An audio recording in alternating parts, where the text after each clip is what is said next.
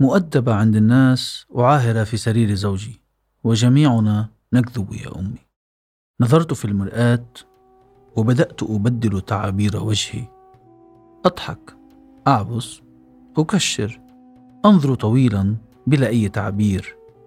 أبتسم أبكي. وفجأة اكتشفت قدرتي على التمثيل. لم تكن موهبة وإنما خبرة تراكمت مع الزمن.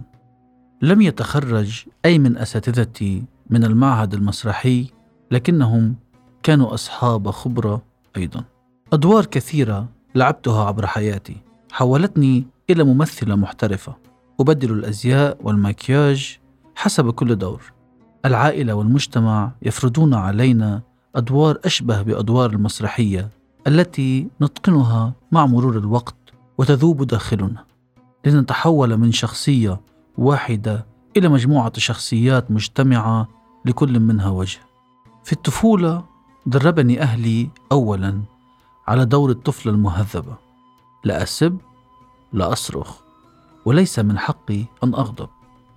وإن بكيت تنظر أمي في عيوني قائلة ابلعيها فأغص بدموعي ولكن أنفذ المطلوب بصعوبة وأبلعه. وحين نذهب لزيارة إحدى صديقات والدتي أمثل دور الفتاة المؤدبة نصف الخرساء التي لا تتكلم إلا إذا سئلت. وإن عرضوا علي شيئا يؤكل كان علي أن أرفض أولا. حتى أبرهن أني شبعاني في بيت أهلي. وفي حال إصرار المضيفة الكريمة آخذ قطعة واحدة فقط. وكنت أسأل نفسي لما لا يمكنني مشاركتهم بإلقاء دعابة مثلا؟ ولما لا يمكنني أن آكل كل شيء؟ نكبر وتزيد الأدوار بالطبع. في العمل على الملابس أن تكون حيادية تماما مع إخفاء معالم الأنوثة وعدم التفكير حتى باستلطاف أحد الزملاء. وعلي انتقاء الكلمات المناسبة عند التحدث مع أي زميل بغض النظر عن رأيي به. وعلي احترام المدير أو المديرة والنقاش معهم بعقل وترون وتجنب الشتم أو استخدام أي كلمة سوقية.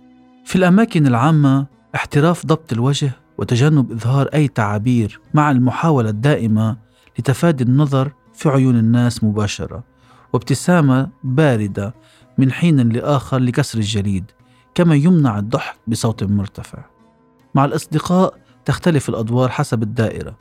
الأصدقاء المؤمنون بالعائلة والحياة الزوجية لهم قناع يختلف عن أولئك المنفتحين والمثقفين. كما يختلف بالتأكيد عن قناع دائرة العلاقات السطحية. المهم أن أقنع الجميع بالدور وعند لقاء شاب يعجبني تعلمت أولا أن لا أكشف نفسي تماما ولا أيا من نقاط ضعفي. الدور المطلوب هنا هو دور الفتاة القوية الذكية التي ليست بحاجة لأحد حتى هذا الشاب. بل أذكر قول إحدى صديقاتي لي إذا أعجبك شاب لا تنظري إليه تجاهليه. وكنت أسأل نفسي وكيف سيعرف أني معجب به؟ كيف سيتجرأ على المبادرة بالحديث بينما أتجاهله؟ وإن تجرأ رغم تجاهلي فالأرجح أنه من زمرة الشبان المشاكسين وربما من الأسلم الابتعاد عنه.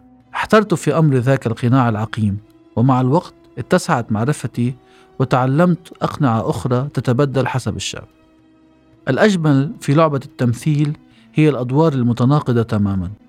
ففي المطعم أمثل دور الملكة وفي سهرة الرقص دور الراقصة وفي السرير لزوجي حصرا أدافع كعاهرة.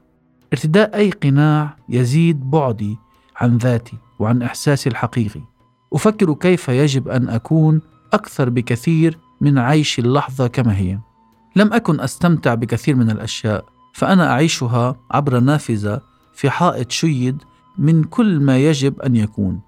هناك أدوار مسموحة في مسرح المجتمع وأخرى ممنوعة من المحاولة والعرض ولذا لا يندرج التفكير بتكسير الأقنعة تحت أي نص من نصوص الأدوار والقوالب المجهزة من المجتمع وأذكر يوما سألت فيه نفسي من أنا؟ ماذا أحب؟ وماذا أريد؟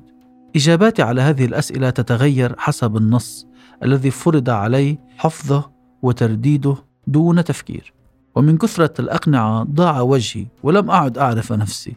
تهت وتذكرت جملة كانت أمي ترددها دائما. الشيء الوحيد الذي لا أطيقه في الحياة هو الكذب. افعلي ما تريدين ولكن لا تكذبي. لكننا جميعا نكذب يا أمي. أليس التمثيل نوعا من الكذب؟ كنت أشتم ألاف الشتائم وأنا أقود سيارتي في دمشق. وأصرخ بأعلى صوت غاضبة من تنمر الرجال حين يرون امرأة تقود. وألعن الساعة التي ولدت فيها هذه المدينة. وعند وصولي إلى الإذاعة أتنفس. أبحث بين طبقات صوتي عن أكثرها هدوءا ورزانة وأدخل خشبة الإذاعة بفقرة البث الحي قائلة أحلى صباح لكل مستمعي أحلى بلد سوريا. أدوار كثيرة امتهنتها قسرا. لا تشبه على الإطلاق كل ما أؤمن به. مثلا لم أكن أريد الزواج ولكن لعبت دور الزوجة الصالحة لأن المجتمع لا يقبل المساكنة مع من تحب ولا وجود للعلاقات خارج إطار المؤسسة الزوجية. وحين قررت الانفصال كان علي أن أتحول إلى المطلقة وأن أتحمل كل ما يترتب عليها من نظرة شفقة إلى السؤال عن الأسباب وتحميل اللوم وحتى الشعور بالدونية أحيانا. أذكر محاولاتي المختلفة في مراهقتي للتمرد على المجتمع. حيث كنت أنظر في عيون الناس وأسهب وأبحث بين العيون عن عين تفهمني فنبتسم أظن أن الكثير من الناس فهموا المسرحية فهي ليست سرية فالجميع يلعب أدوار علنا ولكن حين أعود إلى نفسي أسأل ماذا تريدين حقا؟ من أنت؟ سؤال بدأ مع سن المراهقة ومع قمع أهلي لأغلب محاولاتي للتمرد عاد هذا السؤال مع بداية الثورة السورية حين تكسرت الكثير من حواجز الخوف. ورغم ظني أني كنت قد بنيت شخصيتي تماما اكتشفت أني ما زلت بعيدة جدا عن ذلك. فقد غطتني الأقنعة التي تحمل معها ضوابط لا شكلية فقط بل ضوابط عميقة. لتخلق داخلي شخصية الشرطية التي تراقب كل الشخصيات الأخرى لتتأكد أني لا أخالف النص. كلمات نقولها دون تفكير تحمل معها مشاعر أعمق مما تبدو كرامة ما هي الكرامة فعلا؟ حرية كيف أكون حرة حقا؟ هل أخسر فعلا كرامتي إذا اعترفت لشاب بحبي لها ورفضني؟ أو إن بحت في السرير عما أحبه؟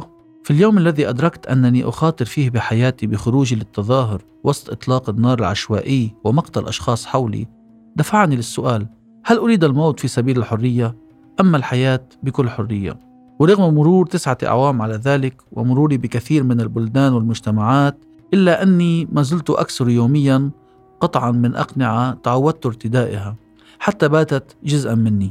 كما أشعر بسماكة قناع جديد لبسته طوعا أو قصرا لتبرير أسلوبي في الحياة ومعتقداتي وأفكاري. وحدها لحظات التلاشي في الوجود ونظري نحو المحيط أو السماء يدفعني للتفكير بمدى صغري. ومدى قدرتي على أن أكون حرة مثل موجة مثل عصفور. وإذا كنت أنا بطلة قصتي ألا يحق لي أن أكون كما أريد أن أكون دون تمثيل دون قناع هكذا عارية تماما كما ولدت